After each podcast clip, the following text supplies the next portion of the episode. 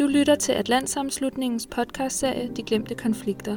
En podcast, der dykker ned i de konflikter, der normalt ikke får lov at fylde i sendefladen. Vi tager dig igennem konfliktens oprindelse, udvikling og de komplekse problemstillinger, den er omsluttet af. I dette afsnit dykker vi ned i konflikten omkring Vestsahara. Vestsahara bliver ofte omtalt som Afrikas sidste koloni. FN anser det som et ikke afkoloniseret område, som i dag er besat af Marokko, og det har det været de sidste 40 år. En lille stribe ørken er stadig under kontrol af Vestsaharas oprindelige befolkning, saharavierne, mens en stor del bor i flygtningelejre i Algeriet. Frihedsbevægelsen Polisario repræsenterer saharavier og kæmper imod besættelsesmagten Marokko om hvem der skal kontrollere området i Vestsahara. Trods konfliktens omfang og længerevarende historie overser eller glemmer mange konflikten i Vestsahara. Men hvorfor er konflikten egentlig så vigtig at følge med i, og hvorfor kommer vi til at overse den? Det skal vi lære mere om i dagens afsnit, hvor tidligere generalmajor Kurt Mosgaard og Mathilde Andersen, aktivist i Global Aktion, skal hjælpe os med at blive klogere på Vestsahara. Altså jeg vil sige, at Vestsahara-konflikten i høj grad er en glemt konflikt, men i mindst lige så høj grad en gemt konflikt. Ja, men konflikten i Vestsahara er jo glemt, i hvert fald af de fleste. Den er jo ikke glemt af alle, men hvis man går ud og spørger befolkningen i Danmark øh, eller i Tyskland, øh, hvor ligger Vestsahara, og er der en konflikt der, så tror jeg ikke, nogen de ved det, fordi der ikke er nogen, der bliver slået ihjel i dag. Det er ikke sådan, at der bliver skudt med kanoner og, og, og geværer og, og en masse drab. Western Sahara has been occupied by neighboring Morocco for more than 40 years. Yet most people have never heard of the conflict. Jeg hedder Kurt Mosgaard. Jeg har været soldat i rigtig mange år øh, i forsvaret, og i den forbindelse har jeg så været udsendt forskellige steder. Tidligere generalmajor Kurt Mosgaard har været udsendt med FN-missionen MINURSO i Vestsahara og var militærchef tilbage i år 2005 til 2007. Kurt var med til at sikre, at våbenhvilen blev overholdt af Marokko på den ene side og frihedsbevægelsen Polisario, som repræsenterer Vestsahara, på den anden side. The story of Western Sahara is one of colonialism, plunder, and resistance. It's also a story rarely told in the international media. Vestsaharas manglende afkolonisering er central for at forstå stridighederne i området. Som så mange konflikter i verden i dag, så er konflikten omkring Vestsahara nemlig også betinget af kolonitiden. De fleste tidligere kolonier fik national selvbestemmelse i årene efter 2. verdenskrig, men Vestsahara har været længere tid undervejs. Vestsahara er jo et område, som sammen med resten af Afrika blev fordelt til vestens eller Europas lande under Berlinkonferencen i 1885. Og her var det så Spanien, der fik Vestsahara. Og Spanien var, var kolonimagt på området i rigtig mange år. Øh, da man dannede FN i 45, så var det så meningen, at de her kolonier skulle afvikles. Og det skete også for hovedparten vedkommende i, i 50'erne og 60'erne. Men netop Vestsahara, det, det lå vente på sig. Og det var fordi, dengang havde man en diktator, Franco, i Spanien, der ikke havde lyst til at afgive det. Så først da han døde i 1975, blev man så enige om, at nu skulle det afvikles.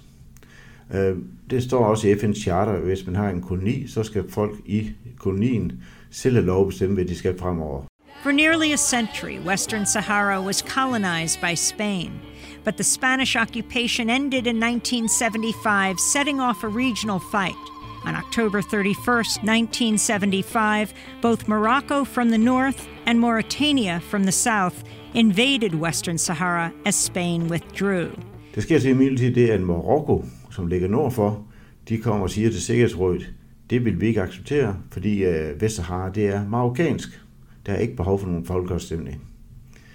FN's Sikkerhedsråd siger, hovsa, det må vi hellere få undersøgt nærmere, så de sender det så til Hague til en international domstol for at få afklaret, er, er det her marokkansk, er der behov for en, en, en uh, folkeafstemning eller ikke? Og den internationale domstol vender tilbage og siger, jamen der er nogle forbindelser til Marokko, der er også nogle forbindelser til de andre lande, men der er ikke noget, nogle forbindelser, der er så tætte, at det skulle forhindre en folkeafstemning.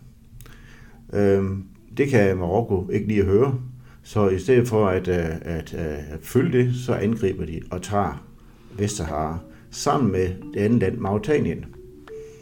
Og, øh, og krigen bølger så i virkeligheden frem og tilbage der fra 1975-76 og de, de kommende år. Vestsahara er et område på størrelse med Storbritannien, som grænser op til både Algeriet, Marokko og Mauritanien. Både Marokko og Mauritanien kræver ejerskab over Vestsahara, hvorimod Algeriet sympatiserer med saharavierne og tillader asyl i algeriske flygtningelejre, hvor omkring 170.000 stadig bor i dag. Polisario deltager også aktivt i krigen med deres eget militær.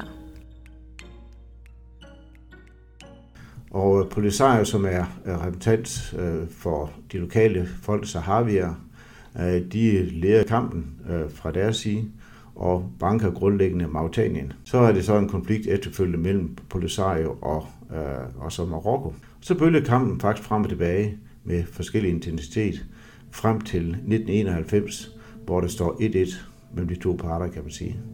Og de blev så enige om, at nu skal der være en våbenhvile, og der skal være en folkeafstemning. Her kommer MINURSO ind i billedet. MINURSO er den FN-mission, der er til stede i Vestsahara, og som oprindeligt havde til formål at få afviklet folkeafstemningen.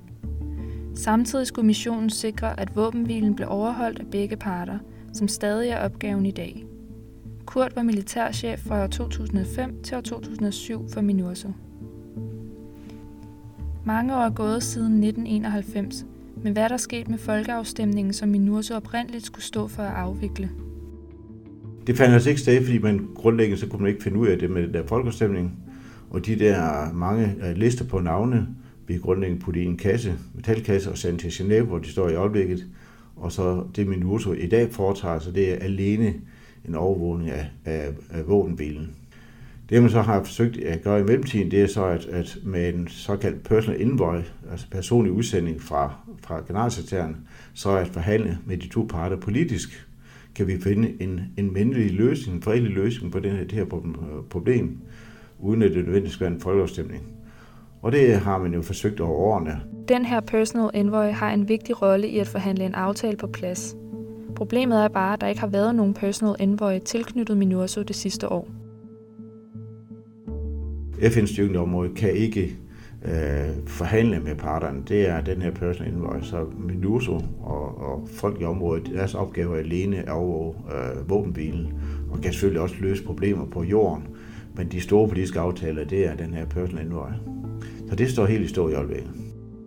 Siden 1991 er der altså ikke sket meget. Til gengæld er livet blevet meget anderledes for saharavierne.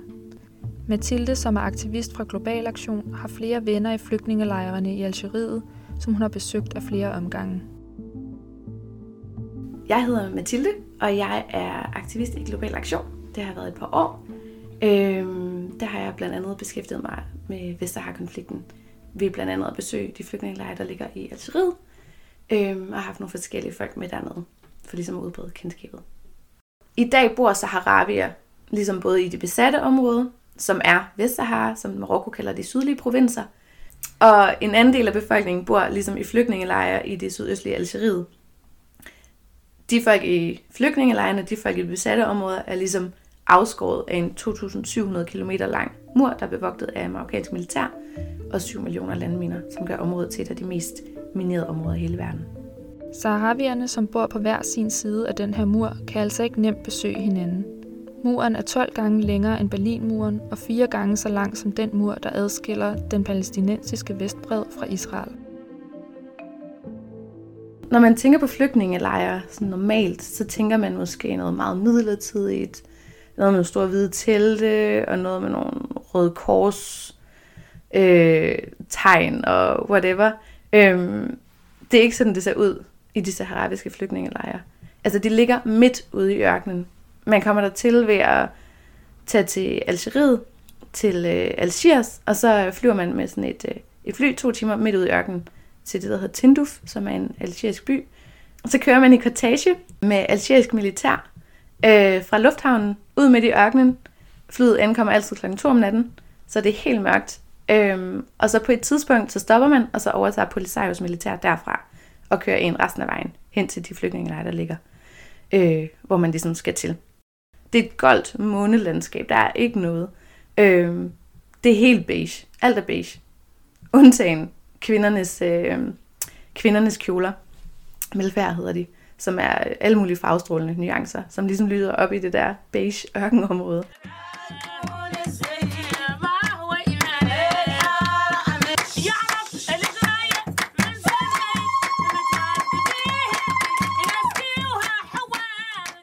Man kan sige, at uanset om man er saharawi eller marokkaner, i de besatte områder, så lever man under en besættelse og er mærket af det på daglig basis. Og de marokkanske efterretningstjenester, politi og militær er bare markant til stede. Øh, både uniformeret og rigtig, rigtig, rigtig ofte civilt i det besatte område. Men som en af mine venner sagde den anden dag fra lejrene, at det er en no war, no peace situation. Hvis man øh, kritiserer regeringen, kongen, Marokko åbent på gaden, øh, eller på sociale medier, eller hvor det skulle være, øh, så bliver man udsat for ekstremt høj diskrimination, fængsling, tortur i fængsler, forsvindinger, tæsk på gaden, alt sådan noget. Så der er virkelig ikke særlig meget rum, man som, som aktivist, eller journalist, eller menneskerettighedsaktivist ligesom kan, kan bevæge sig indenfor. En af mine gode veninder er journalist. Øh, hun er saharabi journalist i de besatte områder. Og hun kan ikke få et job. Hendes søster kan ikke få et job. Hendes familie kan ikke få et job, fordi hun er aktivist. Og hun er, siden hun var 14 år gammel, blevet passet op på gaden og slået, tortureret og fængslet af det marokkanske politi. Kurt har jo også opholdt sig i Vestsahara og flygtningelejrene i Algeriet, og genkender også den her oplevelse af konstant at være overvåget og den massive kontrol, marokkanerne har. Du vil blive overvåget hele, hele tiden. Altså, når jeg kigger mig selv ind i spejlet, har jeg klar en fornemmelse af, at der var en person over på den anden side, der holdt øje med mig. Det er sådan i, i Vestsahara, hvis du stiller dig op øh, på det besatte område med et flag eller forlanger øh, åbent, at øh, der skal være en folkeafstemning, så kommer du simpelthen i fængsel, og du får tæsk. Øh, og det er jo lidt i strid med, hvad mennesker det her kan man sige, det er ikke lidt i strid, men meget i strid med. Hvis du er en kritisk journalist fra Danmark, Altså kommer du ikke ind. Og hvis du alligevel sniger ind som turist, og du bliver opdaget, at du snakker med lokal Sahavi, øh, så ryger den pågældende i fængsel, og du ryger selv ud af landet. Så der er sådan et forsøg på at, at øh, have monopol på ny, nye fra, fra området. Øh, der er det sådan, at alle FN's operationer, næsten alle sammen, der indgår nu i mandatet, at FN's styrke i området skal sikre, at civile ikke lige overlast, og at øh, menneskerettighederne bliver overholdt af dem, der nu har besat området. Og øh, det ønsker Marokko ikke at have i øh, mandatet af måske klare årsager. Og da de er gode venner med Frankrig, øh, så, så Frankrig får hver gang det nærmer sig et spørgsmål om, at og det nu skal ind i mandatet for Minuto, at øh, true med nedlægge veto. Så derfor står det ikke mandatet endnu. Det er en offentlig hemmelighed, at ytringsfriheden er stærkt begrænset i det besatte område. Trods krænkelser af menneskerettigheder for saharavierne, den oprindelige befolkning i Vestsahara, har både EU og Frankrig stærke relationer til besættelsesmagten Marokko. Det har stor betydning i forhold til at finde en løsning på konflikten. Man kan sige, at noget af det, der er vigtigt eller centralt at forstå, når man gerne vil forstå, hvorfor konflikten omkring Vestsahara ser ud, som den gør i dag, er blandt andet EU's position i forhold til Marokko. Og det altså både til udtryk i øh, EU's sikkerhedspolitik, flygtningepolitik, men også i deres handelspolitik. EU har en fiskeriaftale med øh, Marokko, hvor europæiske fiskere får lov til at fiske i marokkansk farvand mod betaling. Problemet med det her er, eller den her aftale, er så bare, at omkring 90 procent, jeg tror det er 91,5 procent, øh, af den fisk, der bliver fanget under den her aftale, ikke kommer fra farvandet omkring Marokko, men kommer fra farvandet omkring Vestsahara. Så det er altså Vestsaharas territorium. Så det vil sige, at de her fisk, der bliver fanget, er egentlig noget, som Marokko videresælger, men som aldrig har været deres ejendom. Det har Polisario så lagt sagen mod EU, hvor EU-domstolen har dømt den her aftale med Marokko ulovlig, netop på grund af, at Marokko som besættelsesmagt ikke har ret til at videresælge de her fisk, som ikke tilhører dem. Men alligevel så foregår og fortsætter de her, så stemmer parlamentet alligevel for den her aftale, selvom EU's ejendomsstol har dømt den ulovlig. Så der er de her, de her interesser om, om at have et godt handelspolitisk forhold til Marokko, som hele tiden spiller ind.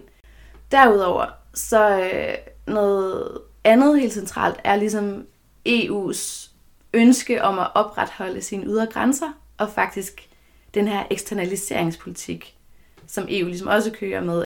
Fordi Marokko ligesom bliver set som sådan en prop for flygtninge og migranter fra øh, det nord- og vestafrikanske område. Så det vil sige, at sådan, der er så mange interesser i at have et godt forhold til Marokko, som ligesom gør, at man ikke vil pille ved Vestsahar-konflikten, Fordi det er så betændt et politisk problem. Kurts opfattelse er også, at Marokko står i en stærk position. Og det oplevede han kom til at spille en rolle i forhold til FN's position i konflikten. Marokko har rigtig meget indflydelse, også i Sikkerhedsrådet gennem, gennem Frankrig, men også fordi, at meget af FN's logistik i området er baseret på, på Marokko, altså fødevarer og andet kommer ind og vejsystemer. Hvis FN trækkes ud, eller bliver set som værende entydigt på den ene eller anden side, så er der en øget risiko for krig.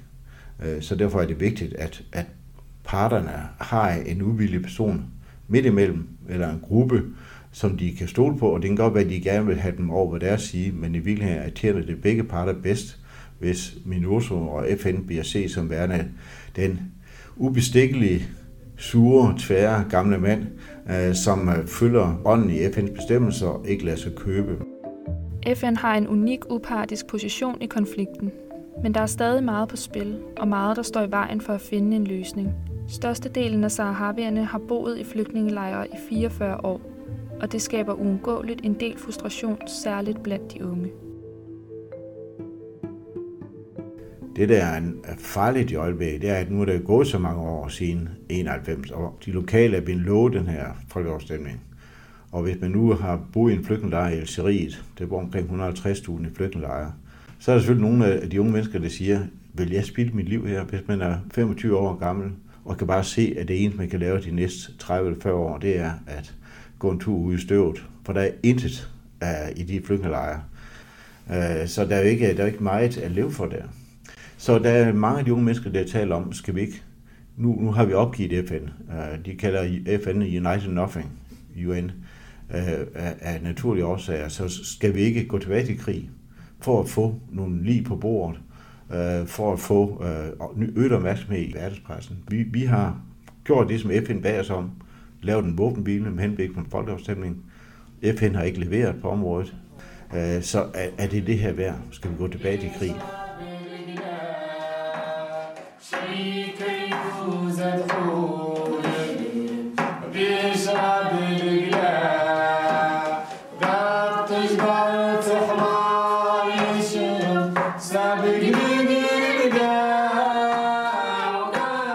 Der er jo folk, der opvokset i lejrene, dem der er opvokset i lejrene, har set deres forældre blive gamle og dø i lejrene.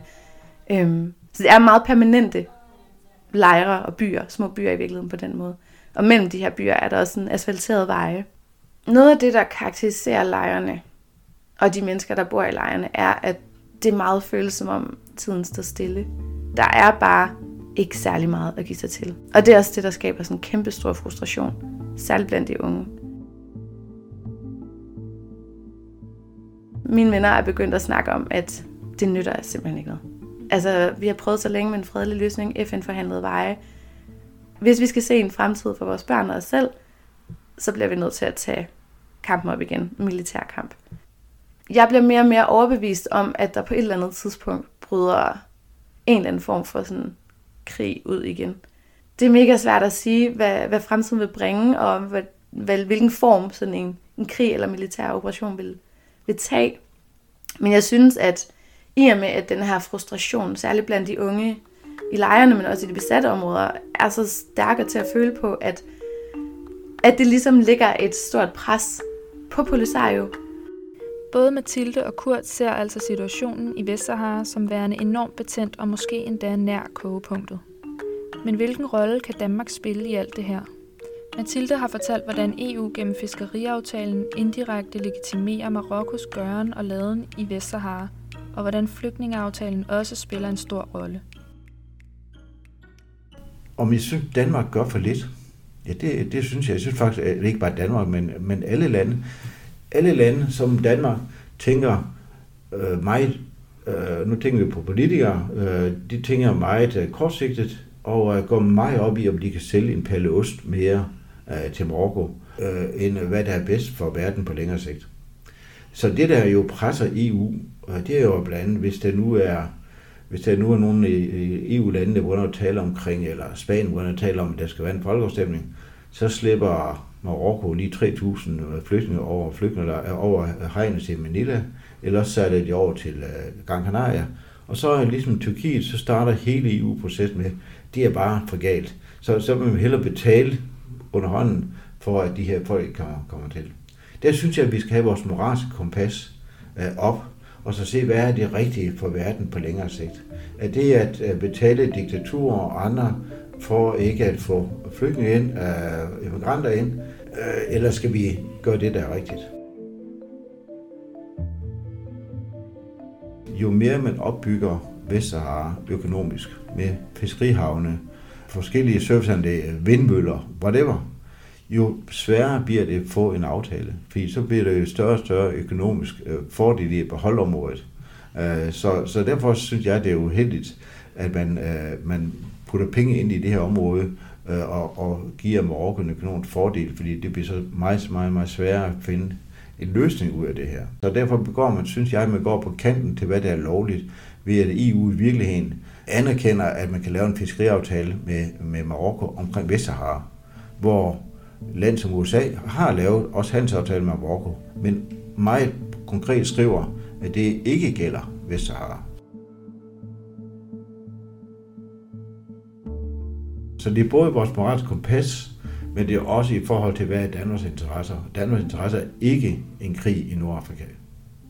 Så derfor synes jeg, at vi også selv bør følge det, både som befolkning i Danmark, vi skal også stille krav til vores politikere, om at det her det ikke skal være en glemt konflikt, det er en konflikt, som stadigvæk består, og som skal løses, før den bryder brand igen. Det tjener os bedst, og det er det rigtige for os at gøre. Men i november brød konflikten faktisk i brand. Polisario mener, at Marokko har brudt våbenhvilen. På skete efter, at med fredelige demonstrationer havde blokeret en vigtig handelsrute for Marokko mellem og Vestsahara. The build-up of tensions in Western Sahara. The pro-independence movement says Morocco broke a 30-year ceasefire with the deployment of tanks and military personnel along the demilitarized zone. While the Moroccan authorities claim it's the Polisario Front and not their forces that's responsible for the escalation, a 30 year old ceasefire is over in the disputed territory of Western Sahara. That's according to the pro independence Polisario Front. It says Moroccan troops have launched an attack in the region. Morocco's military says it's only set up a security cordon after elements of the Polisario front blocked traffic on the only road linking it to Mauritania and the rest of Africa. Optrapningen af konflikten kan have store konsekvenser for konfliktens videre udvikling og fremtidsudsigterne til en løsning.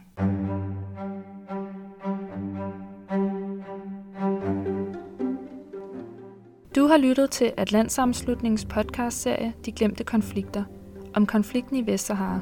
I dagens afsnit har vi med hjælp fra tidligere generalmajor Kurt Mosgaard og Mathilde Andersen, aktivist fra Global Aktion, dykket ned i konfliktens oprindelse, udvikling og komplekse problemstillinger. Bag dette podcastafsnit har de ansvarlige været Nina Axelsen, Olivia Lutzvare og Mathilde Bro Hansen.